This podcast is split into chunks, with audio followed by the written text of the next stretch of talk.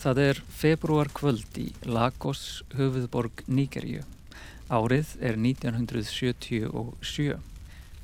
Nokkrir hermenn laumast að lóðamörkum kommununar Kalakóta Republic og kveikja í spennistöðinni sem veitir hýpilum hennar og gerðingunni í kring rafmagn.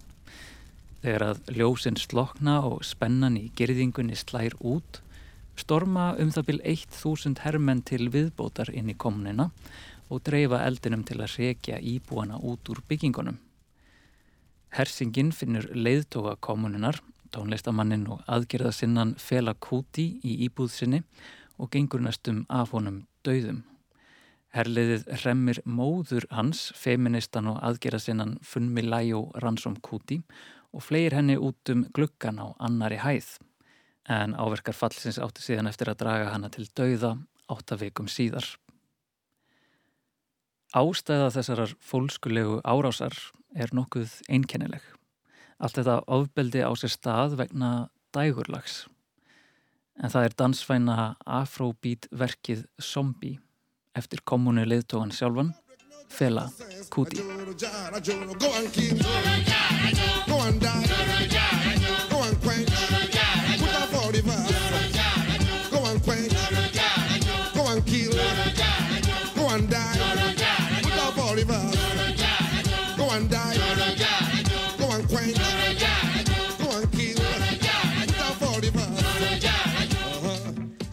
Þetta lag var hörð ádela á hernaðarstjórnina í Nýgeríu á sínum tíma. Verkið var gefið út í tengslum við alþjóðlega listaháttíð í Lagos tilengaðri list svartra. Í læginu líkir Fela Kuti hermunum við innantómar vélar sem geta sér kvorki hreift nýja hugsað án skipana herfóringjans. Í læginu er hermaðurinn jafnaður við uppvakningin, þann sem er lifandi dauður. Slík skilabóð fóru sem hland fyrir hjartað á hernaðarstjórninni og viku eftir útgafu svaraði hún skilabóðanum með fyrrnemdum handalögmálum íkveikjum og morði í Kalakóta Republic. Orda!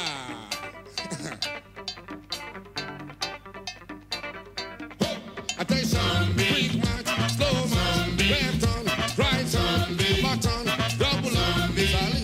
Teeth, fall in, fall out, fall down, get ready, attention, quick slow left on, right on, about on, double on, salute. Up on your hands,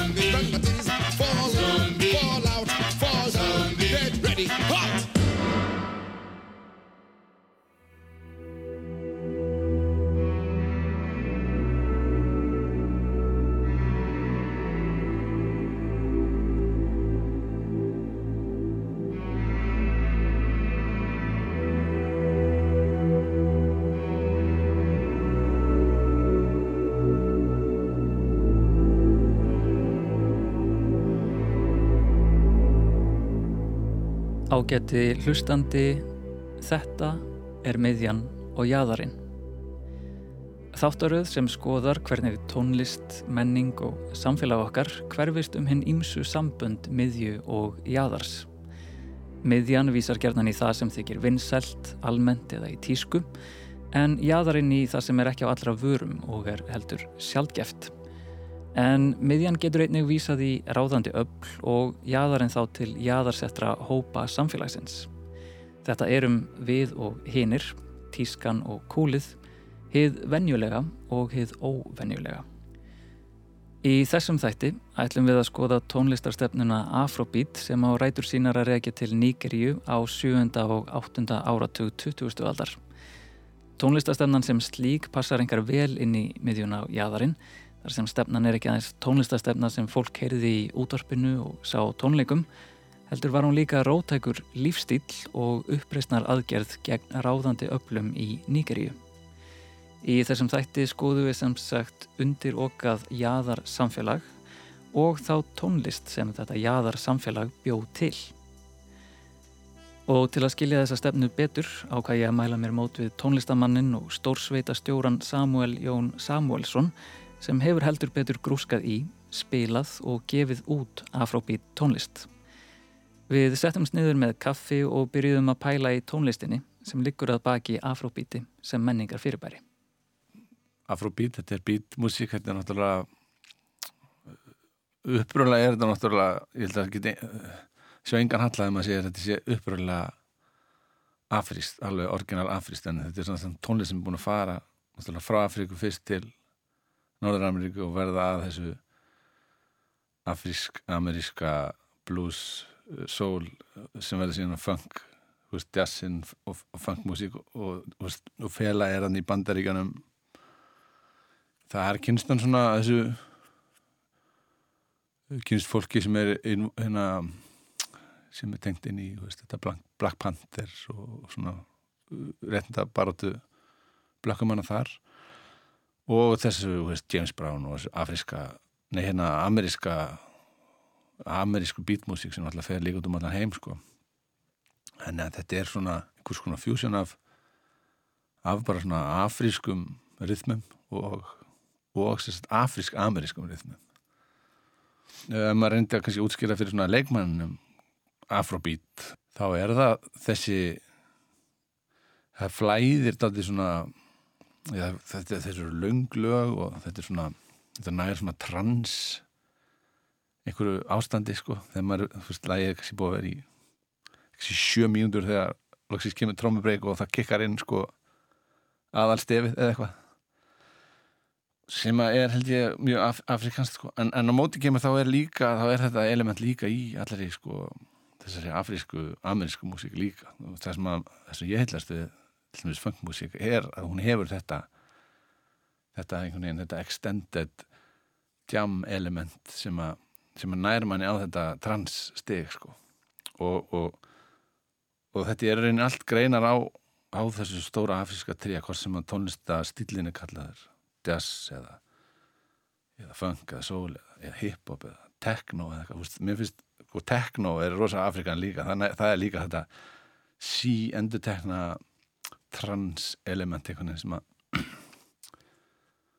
sem að næri einhvern veginn svona einhverjum, einhverjum hæðum sem að þú veist þryggja mítna formið næri gjötunum sko.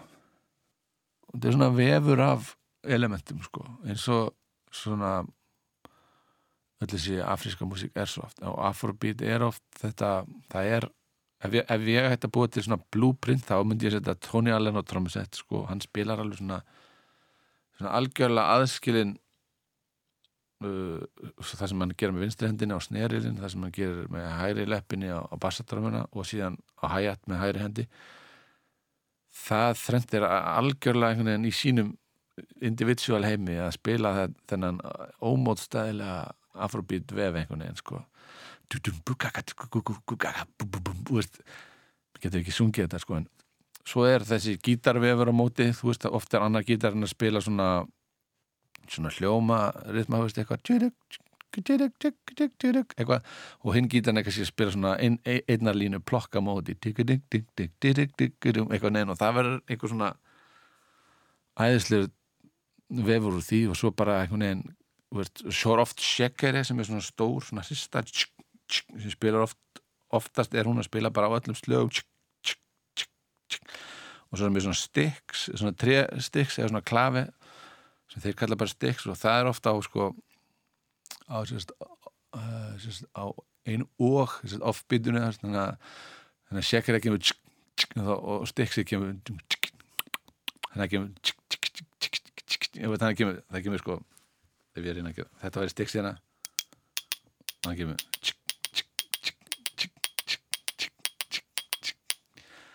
og þetta með þessum gítarum og þessu trómmusetti og svo kemur felakúti á einhverja farfísu eða eitthvað orgel og svo er bassi og, og svo eru kongatrómur og alls konar dóndari og svo þegar þeir kika inn með brassiði líka og þá er maður bara sko, þá fegur maður bara út í líka mann sko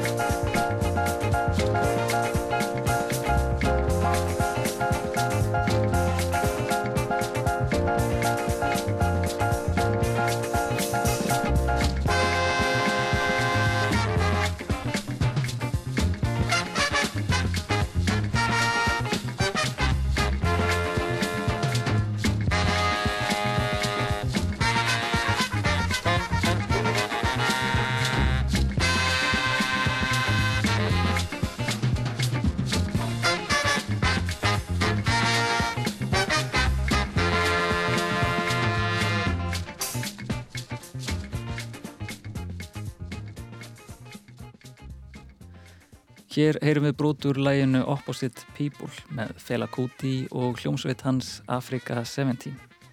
Lægið beitir flest öllum þeim atriðum sem Samuel lýsir hér á undan og á heldur betur eftir að ná fram trans-elementinu þegar framlýða stundir. En við höfum aðeins hlustað hér á fjórar mínútur af læginu sem þýðir að það eru tólf mínútur eftir að því. En þessi Fela Kuti var frumkvöðull afróbít stefnunar samkvæmt sögubókunum þannig að stóra spurningin hlýtur að vera hver var eiginlega þessi Fela Kuti? Hann er, er tónlistamör og hann fyrir til London að, ég held að hann átt að fara í læknisfræði ég held að pappa sem held að hann verði svona til læknisfræðin, svo var hann bara í tónlistanámi og hann hann fyrir til London og þar er hann eitthvað og svo kemur hann tilbaka og hann stopnar hann, hann er með eitthvað svona frum útgáðar af þessu afrobeatbandi sem að eitt sem hétti Kuola Lubodis eða eitthvað minnum mig.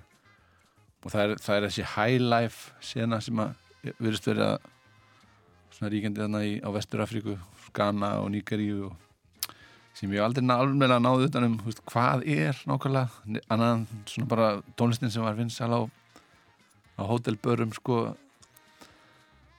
En ég, ég get ekki svona kannski definera fyrir hvað hva það er hæglega, þetta er bara svona vinsalda tólist kannski sjö, sjönda áratverðins eða eitthvað svona snemma. En svo svo hérna einhvern veginn gerjast þetta hjá hann hann fyrir hann til bandaríkjana að túra með bandi sitt og verður fyrir svona einhverju vakningu að, að, að svona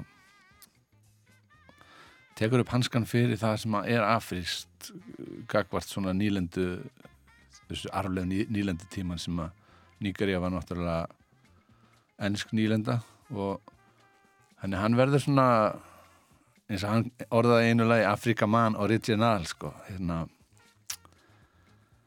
Og verður svona kannski hvað sem að boðberi einhver svona þess að vera stoltur Afrikumadur og hann er bara svona hver er hann, ég menna það er ekkert að reyna að segja hann sé eins og, eins og þessi eða eins og þetta, það er ekkert að segja hann sé James Brown Afríku frekar hann að sko, James Brown sé Fela Kuti í Ameríku. Hann er bara Fela Kuti. Og, og hann stendur og fellur bara með músíkinni sínu myndi ég segja. Veist, það eru örgulega kontroversial karakter og, og hérna kannski í dag væri hann ekkert dæmdur sko kannski ég meina hann átti marga konur og alls konar svona hlutir í kringum hans líf sem kannski er ekkert samþittir í dag en músíkin er kannski það sem er borið hans hróður viðast og hún er geggjuð sko en uh, ef, ef fólk er ennþá í vafa hver félag út í þér það er bara hlusti everyone they dance. Everyone they talk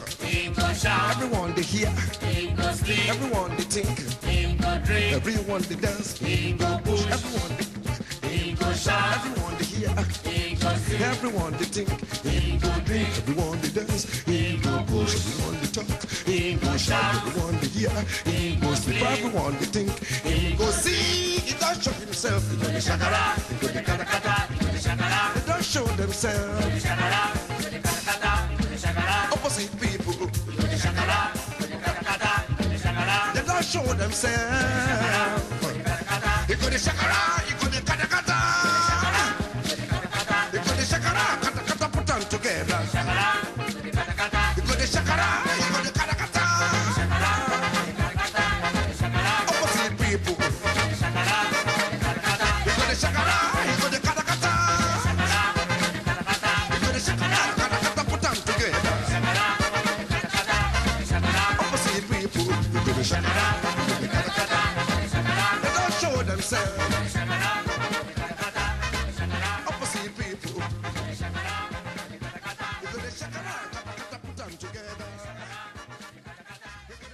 Aftur heyrum við brotur læginu Opposite People og hér ætlar allt um koll að keira.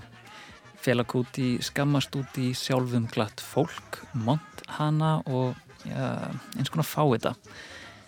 Fólkið sem ítir öðrum á dansgólfinu, fólkið sem reynir að sigra samtal með háfaða, fólkið sem hummar fram af sér kúun sína, fólkið sem kýst drikju og neyslu í stað félagslegra aðgerða og framfara. En eins og kom fram í byrjun þáttar þá var Afrobeat ekki aðeins tónlistastefna heldur líka pólitísk aðgerastefna og eins konar trúabræð reyndar líka. En til að skilja þessa félagslegu hlið stefnunar betur fann ég bók sem heitir einfallega Afrobeat eftir rithöfundin, skaldið, bassaleikaran og rithstjóran Sola Olorun Jómi. Í þeirri bók tekur höfundurinn saman aðal atriði ímessa erinda sem Fela Kuti hefur flutt á ofinbjörnum vettvangi og á tónleikastað sínum Afrika Sræn. Þar kemur ljóslega fram hugmyndafræðin á bakvið tónlistastefnina. Felakuti beinir spjótum gegn nýlendustjórninni í Nigerju og þeim trúabröðum sem hún flutti inn, það er kristni og íslam. Þegar Fela flytur erindi sín er Nigeri að vísu laus undan nýlendu herrónum en í stað þeirra ríkti ströng herfóringjastjórni í landinu leitt af hershöfðingjanum Olusegun og Basiano Fela gaggrínir þá stjórn fyrir að ganga beint í stað nýlendu stjórnarinnar og þar af leiðandi væri kúun þegnana alveg mikil ef ekki meiri undir hæl hersins. Innfluttu trúabröðin í Íslam og kristni gaggrindi hann fyrir að halda yðkendum í hlekkjum. Eins og svo margir taldi hann bæði trúabröð beita bælandi hugmyndafræði sem hefði það markmið að fá þegna til að samþykja kúun sína og vonast eftir umbun í eftirlífi sínu. Afróbítinu fylgdu draumkendarhugmyndir um nýja samfélagsskipan, eins konar framtíðar sín fyrir Níkerju og nágræni. Til að knýja fram þessa hugssjón vildi Fela endurvekja uppbrunan ef svo má að orðið komast. Hann taldi mikilvægt að svart fólki í Níkerju ætti sér sögulega fortíð sem þau getur fundið samsvörun í og verið stolt af. Hann taldi nýgerísku Jarúbatrúna vera fyrirmyndar trúabræð til að taka við af kristni og íslam þar sem það heldur upp á manneskjuna og valdeflir hana. Markmið Jarúbatrúnar er ekki eftirlífi í öðrum heimi heldur að endurfæðast inn í þennan heim. Þar afleiðandi miðar lífið að því að búa í hægin fyrir komandi kynnslóðir, uppræta fátækt, berjast fyrir réttlæti og koma heiminum í jafnvægi í stað þess að upphefja fátækt og lifa í veikri vonum umbun annar staðar að lífi loknu. En pólitísku og trúalegu hugmyndir Afrobeats líkta af andkapitalisma en það er þetta rótæk jafnaðarstefna í ætt við nukrúmaisma. En það er stjórnmálahyggja sem byggðir á hugmyndum hvað með nukrúma og gengur út á innleiðingu sósialismans í afríst samfélag. En Nkrumah talaði helst fyrir sameng samfélagsins á landsvæðum, framleyslutækjum og auðlindum. Í ræðum Felakuti bætist síðan við umhverfis hugssjón. Hann sér fyrir sér samfélag sem er í betri tengslum við náttúruna. Yðnað sem tekur með af getu auðlinda til að endur nýja sig og vöru umhverfi sem hefur það markmið að hjálpa neytundum að lifa góðu og helsusamlegu lífi í stað þess að ginna þá til gengdarlausar neyslu. Calcutta Republic kommunan var síðan samfélagsleg tilraun sem byggði á hugmyndasúpu Fela Kuti og veitti fólki skjól undan samfélagslegri kúun herfóringjastjórnarinnar. Eins og enska orðið Republic gefur tilkynna þá var kommunan hugsuð sem sitt eigið ríki, fríríki innan landamæra Níkeríu. Og kommunan hafði eiginlega alla burði til að geta talist ríki, þó svo að landsvæði hennar hafi verið lítil húsaþyrping. Í þessu samfélagi voru lög og reglur og hver meðlimur hafði sínar skildur og hlutverk. Við innleiðingu í kommununa þurfti hver meðlimur að samþykja ákveðna stöðu innan hennar. Yfirleitt fengu nýjir meðlimir einhvers konar þrifastarf eða eldhússtarf en sjóaðri meðlimir gengdu skipulagsstörfum og stefnumótun. Reglunar voru fáar og einfaldar en það var komunan uppreysnar samfélag gegn hörðu stjórnarfari í Nýgerju. Frelsið var í hávegum haft en helstu reglur, þó þar hafi verið fáar, Calcutta Republic voru. Þjófnaður var með öllu bannaður. Legar voru ekki látnar vegangast. Neysla kannabisefna var leifð en ekki neysla kokains eða heroins sem var jafnframt talin spilla ungdómi landsins. Bannað var að leggja bílum fyrir utan kommununa til að sækja meðlimi. En þessi regla var sett á stopp til að koma í vekk fyrir að kommunan fengið á sig orðspor væntishús. Hermunum var stranglega bannað að koma inn fyrir hliðin í herbúningi sínu. Líkamlegt ofbeldi var bannað og gata jafnvel leitt til brottrekstrar meðlima. Rökræður yfirildi voru þó leiðin. Líklega voru nokkrar fleiri skrifaðar og óskrifaðar reglur í gildi en þetta voru þær helstu. En kommunan var einni með lítið herbergi sem þjónaði sem fangelsi fyrir allra verstu brotin sem framinn voru. Það var vissulega umdelt svæði og þverstaði kentinnan kommununar því það skerti einstaklingsfrelsi í samfélagi sem gekk út á frelsi. Ekki íkja langt frá kommununni var tónleikastæðurinn Afrika Sræn. Hann var í eigu Felakuti og aðal samkominnstæður Afrobeat senunar. Það mætti segja að þar hafið hugmyndafræðin og kommunulífið komið saman. Í Afrika Sræn var tónlistin flutt en pólitíska ræður, trúalegar aðtapnir og predikanir áttu sér einnig stað. Felakuti leiti fólkið eins og prestur, helt ræður þar sem hann tengdi fólk saman í gegnum lýsingar á sameinlegri fátækt, undirókun og félagslegri einangrun og kallaði sig hann eftir samfélagsbreytingum. Afrobeat tónlistin tengdi fólkið einnig saman í dansi við rithma sem voru svo sannarlega afrískir. Og það mætti segja að í Afrikas ræn hafi hugmyndafræði og trúabröð komununar öðlast líf í gegnum söng, ræður, samræður og dans. Africa hot. I like her, so. I know what to are, but my friends don't know. He put him socks, he put him shoe, he put him pant, he put him singlet, he put him trouser, he put him shirt, he put him tie, he put him coat. He come cover all within heart. He be gentleman, he go sweat oh, all over. He go faint right down. He go smell like shit. He go peaceful, but he not gonna. I not be gentleman like that. I be gentleman like all. Oh. I be African man, original. I not be gentleman like all. Oh. I be African man, original. I not be gentleman at all. Oh. I not be gentleman at all at all. I not be gentle man at all. Happy Africa man, original.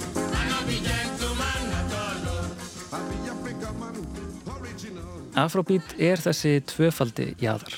Þetta er jæðar tónlistastenna sem siglir enn í dag undir miðjaða meginströmmnum og var á sínum tíma bönnuð í útvarpi í Nýgerju og fór aðalega fram á tónleikastannum Afrika Sræn.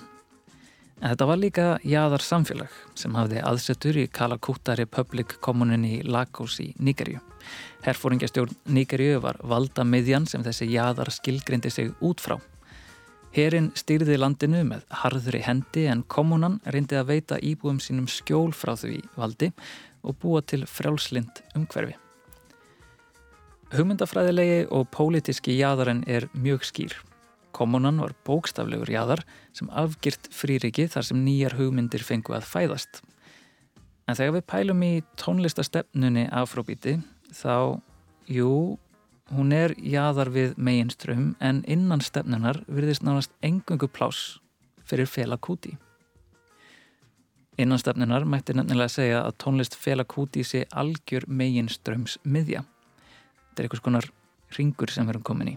Það er að segja, ef stefnunni er flett upp í leitavélum internetsins þá fjallar flestar niðurstöður eiginlega bara um Fela Kuti og hljómsveit hans Afrika 70.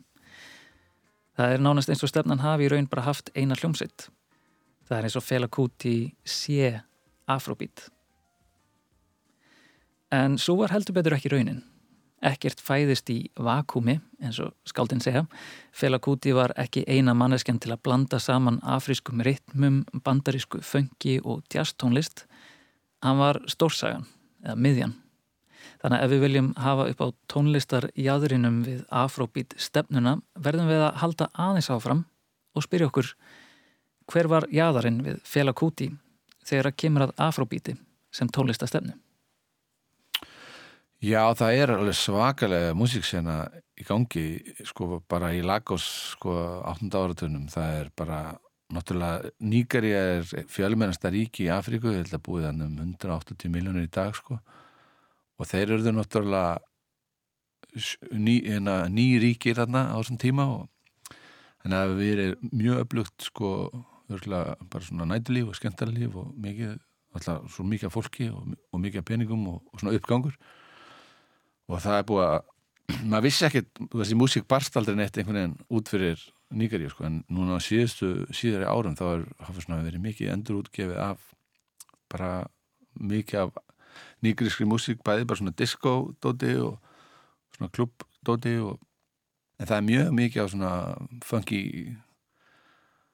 stöfi í gangi hérna og bara virðist vera alveg svakalega mikið efni sem hefur verið gefið út hérna og, og, og tekið upp og bara ótrúlega spennandi söðpáttur sko. og það er náttúrulega mikil á, áhugi á þessu sko, sérstaklega frá Breitlandi sko. það er svona þessi klúpa DJ blötu leipela kultúr þar hefur mikil áhuga á þessu að því að þið náttúrulega syngir svo mikið á ennsku sko, í nýgur að því að þeir voru bresknýland þannig að ennska er svona ofisjál það tungumál. Að, og sama með Ghana rosa mikið af músík frá Ghana þannig að veist, eðlilega sækja þetta í þetta ennskumælandi og það hefur kannski minna borist af frá hínum löndunum sko eins og franskumælandi og, og portugalskumælandi löndunum veist, hérna æfur í hérna, fílabenströndinni og, og Gíni og, og þar. En það er ótrúlega mikið af flottu efni til frá, frá bæði Níkri og Ghana það hefur verið mikið endur útgefið Eins og Samuel segir þá barst ekki mikið af tónlist frá Níkaríu á þessum tíma en í dag er hægt og rólega verið að dusta ríkið af glemdum plötum og endur útgefa þær um heim allan. Og til að elda jæðra afróbít tónlistar er vannlegast að hafa upp á endur útgefnum plötum í stað þess að ferðast til Níkaríu og gramsa í geimslum, þó það væri vissulega skemmtilegt.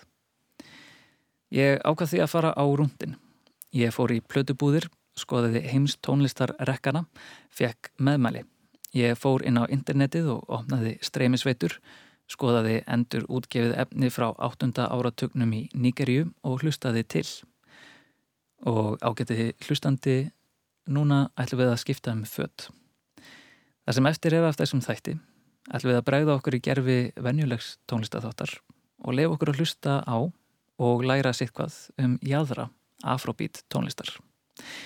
Hingraðu augnablík á línunni. Ég ætla að skipta um stúdjó og vippa mér hérna yfir á hinarásina og sjá hvort þau geti.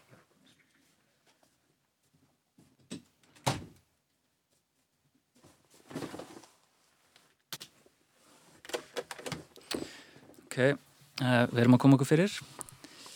Hingra augnablík á bylginni. Innan fárastekundna hefst nýji þátturinn okkar. Við skulum kalla hann eitthvað dramatíst eins og uh, lakkið á skónum. Nei. Nei, það er ekki nú gott. Um, sólinn í vestur Afríku. Nei, það er ógíslegt. Undir ríkinu. Við að fara að gramsa í geimslum í Nýgriðu eða þeikjast gramsa í geimslum í Nýgriðu þannig að Það sleppur. Það getur passað. Undir ríkinu. Gjör það svo vel.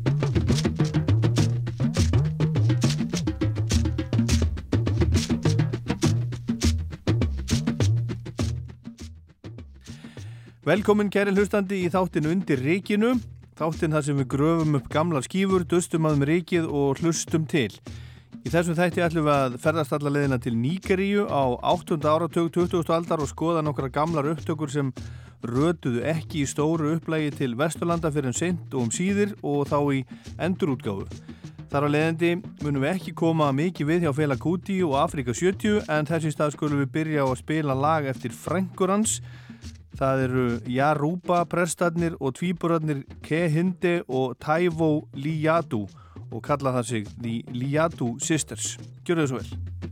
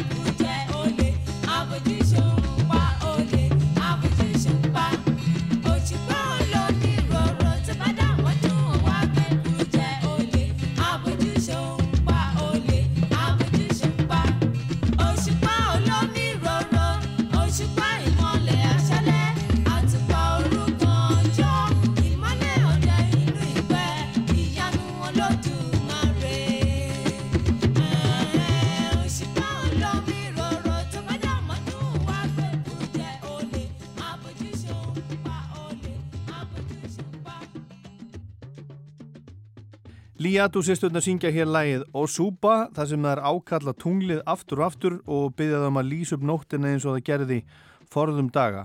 Lægi kom fyrst út á plötinni Mother Africa árið 1977 en var endur útgefið árið 2012. Tónlistin hér er svo sannarlega afrobeat sem tepli saman jarúpa hefðinni, afrískum töktum og kannski ögn vestrætni dægulega uppbyggingu En frá Líjatu sýstrunum skulum við færa okkur til eins helsta frumkvöðuls afrobeats og afrojazz stefnana heyrum í saxofónleikaranum Peter King.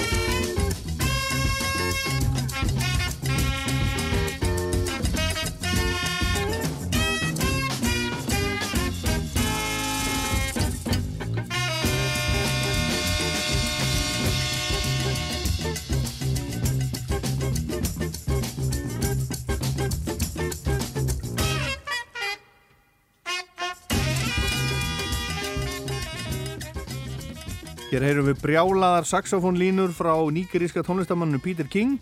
Peter King lærði tónlist í, í Trinity háskólanum í London sem vill svo til að þið sami tónlistaskóli og Fela Kuti laumaðist í á sínu tíma.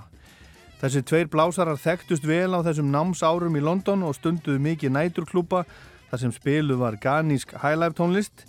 Peter King vildi taka þá tónlist upp á, upp á næstu hæð og blanda amerískum jazzáhrifum við hana og taldi að það myndi auðgana. Þegar hann svo snýri aftur til Níkeríu sett hann á stopp hljómsett sem spilaði þessa afro-jazz blöndu en oft rataði svo spilamennska í funkari átt og var svo sannarlega afrobeat. En frá London kom allavega ein manneski við bótt með afrobeat hugssjón, það var Ebo Taylor Jr.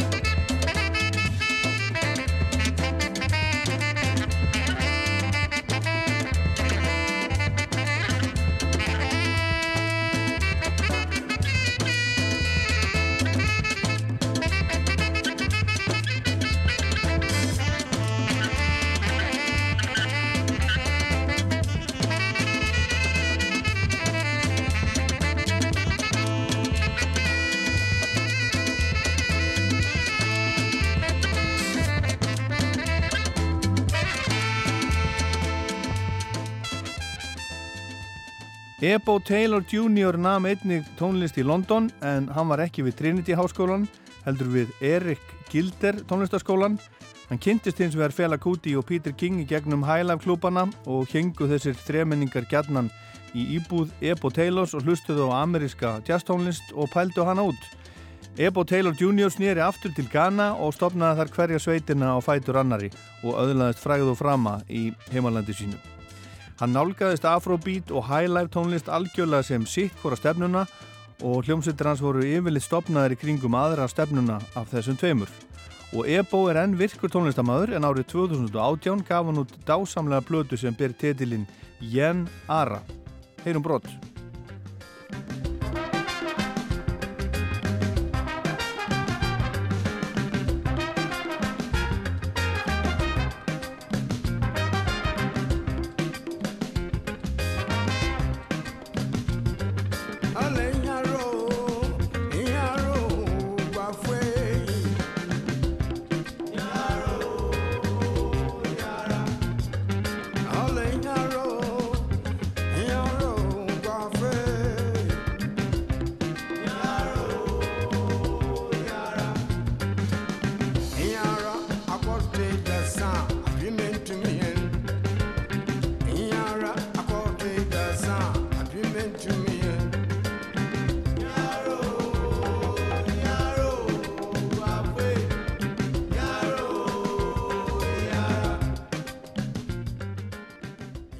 Nú er þetta reynda að fara að hljóma eins og einhver saumaklúpur. Allir þessir afrobeat listamenn þekkja Fela Kuti á einhvern hátt voru jafnvel í skóla með honum og lærðu þetta allt saman með honum.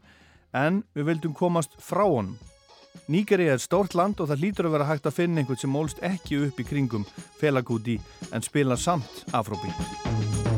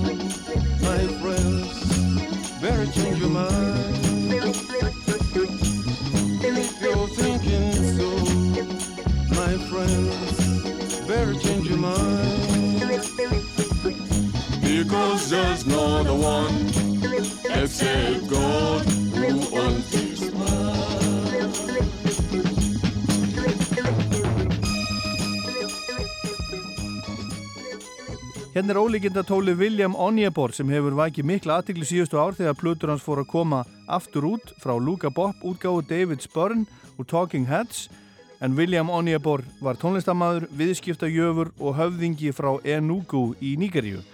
Hann var ekki beint hluti af Afrobeat senunni, hann tók sínar átta plötur upp sjálfur í eigin stúdiói á átta ára tímabili og hætti síðan að taka upp tónlist og tók nýja trú, kristni.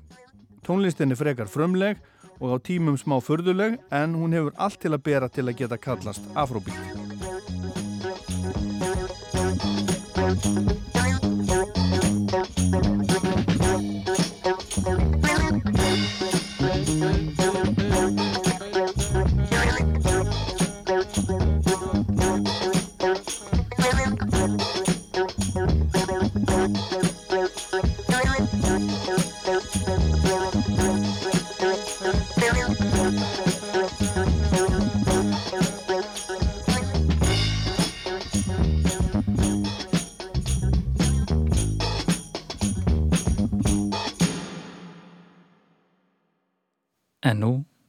Skulum við snúa skífunni tilbaka og snúa okkur aftur að miðjunni og jæðrinum.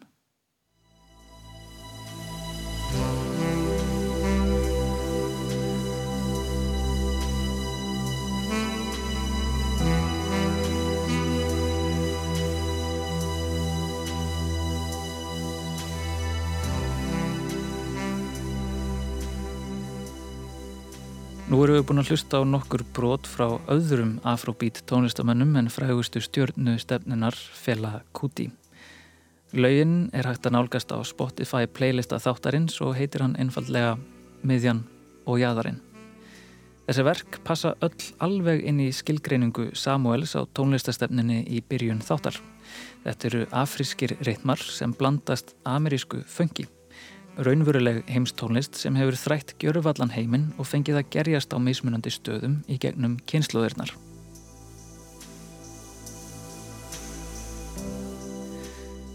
Í þessum þætti höfum við haft upp á miðjum og jöðrum afrobeat tónlistar. Við byrjum að greina afrobeat sem jaðar, hugmyndafræði og pólitíska aðgerastefnu sem var til sem mótstöðu afl gegn miðju, herfóringjastjórn Nigeríu. Og svo komum við auga á miðju afrobeat tónlistar, Fela Kuti og hljómsveit hans Afrika 70 og við reyndum eftir bestu getu að hafa upp á jöðrum tónlistastefnunar og fundum Liatu sýsturnar, Peter King, Ebo Taylor Jr. og William Onyabor. En mér langar að draga fram einn tónlistamann í viðbót til að enda þennan þátt. Samuel listi stílnum hans örlítið hérna áðan og við heyrðum meira sig aðeins í honum. Þessi hérna.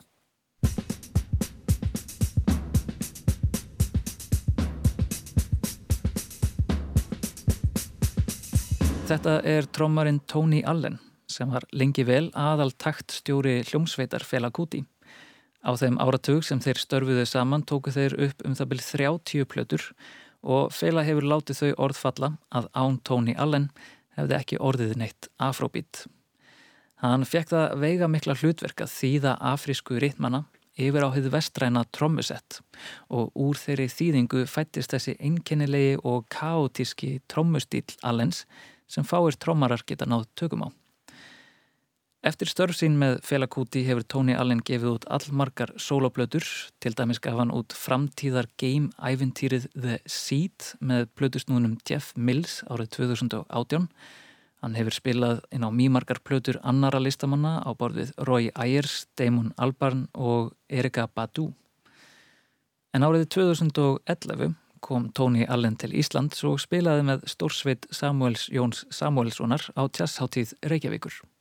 en hann var rosa bara svona jákvæður og, og hérna veist, supportive út í það sem við vorum að gera og, og þetta er auðvitað svaka verkefni fyrir hann að hérna veist, það er fullt einhver svona böndum út um allan heim sem kannski að fá hann til að koma að spila og músík sem hann tók þátt í að búa til veist, og maður getur rétt sett sig í þessi spór þetta lítur að vera alltaf æfintýr hann er alltaf komin yfir 70 sko, ég held að þessi nálgast átt eitthvað en ennþá að bara það var svo gaman að upplifa líka mann sem er komin á þennan stað einhvern veginn. Hann var ennþá spenntur fyrir því að vera að gera nýja músík veist, með, veist, með fólki sem að var að- gera nýja músík sko, veist, þó, þó að fólki væri kannski 50 árum yngri en hann þá var það einhvern veginn hann brann fyrir að vera ennþá einhvern veginn að vera kreatív og, og, og hérna mest það sem gegga og það er sem var svona ég uppgöði hann eiginlega sem svona soloartist hann gaf út plötu í kringum 2000 sem heitir Black Voices ég fann hann einhvern tímann einhver plötubúi í New York. Þá sá ég bara þannig að Tony alveg byrjuðu þetta ekki hérna félag kúti í trómanu því þá var ekkit þá var maður ekkit búin að finna þetta afrobeat dót, sko, og allar byrja að endur útgefa þetta sko. hún er alveg geðsjúka sér plata, hún er bara svona soundið hann er alveg ógislega flott og, og þá var ég bara svona wow, þetta er bara, mm, veist, bara svona frumlegasta músík sem ég hef heyrt bara núna sko. og þannig að það var gaman að upplega svona, þó maður, þó maður sé komin á veist, aldur kannski með við marga þá er þessi ennþá svona einhvern veginn eins og var ennþá gaman að mæta æfingu í bílskúrin sko. og mér finnst það svo fallegt sko. og, hann fannst hann kom einhvern veginn með þá orku hinga bara svona ekki bara láta mig fá peningana og spila gigi og ég er farin heldur það var einhvern veginn maður var bara einn af okkur sko. svo þegar við byrjum að æfa þá þá hérna trómusendi var svona út í hotni þá sner hann sér svona sneri trómustólnum út í hotn og var svona að dunda sér þar eitthvað að milja og vefja svona á sneriltráminni sko. og svo allt í henni bara hérna komið sér góða græslikt í, inn í hljóðrita og reykt hann aðeins og, og svo sagði hann bara og svo fekk hann sér smá viski og svo sagði hann ok, I'm ready og þá, þá var hann til ég að fara að byrja að æfa sko. Og við endum þáttinn á læginu Afrobeat af plötu Samuels Fjórar hliðar með Tony Allen á trómanum.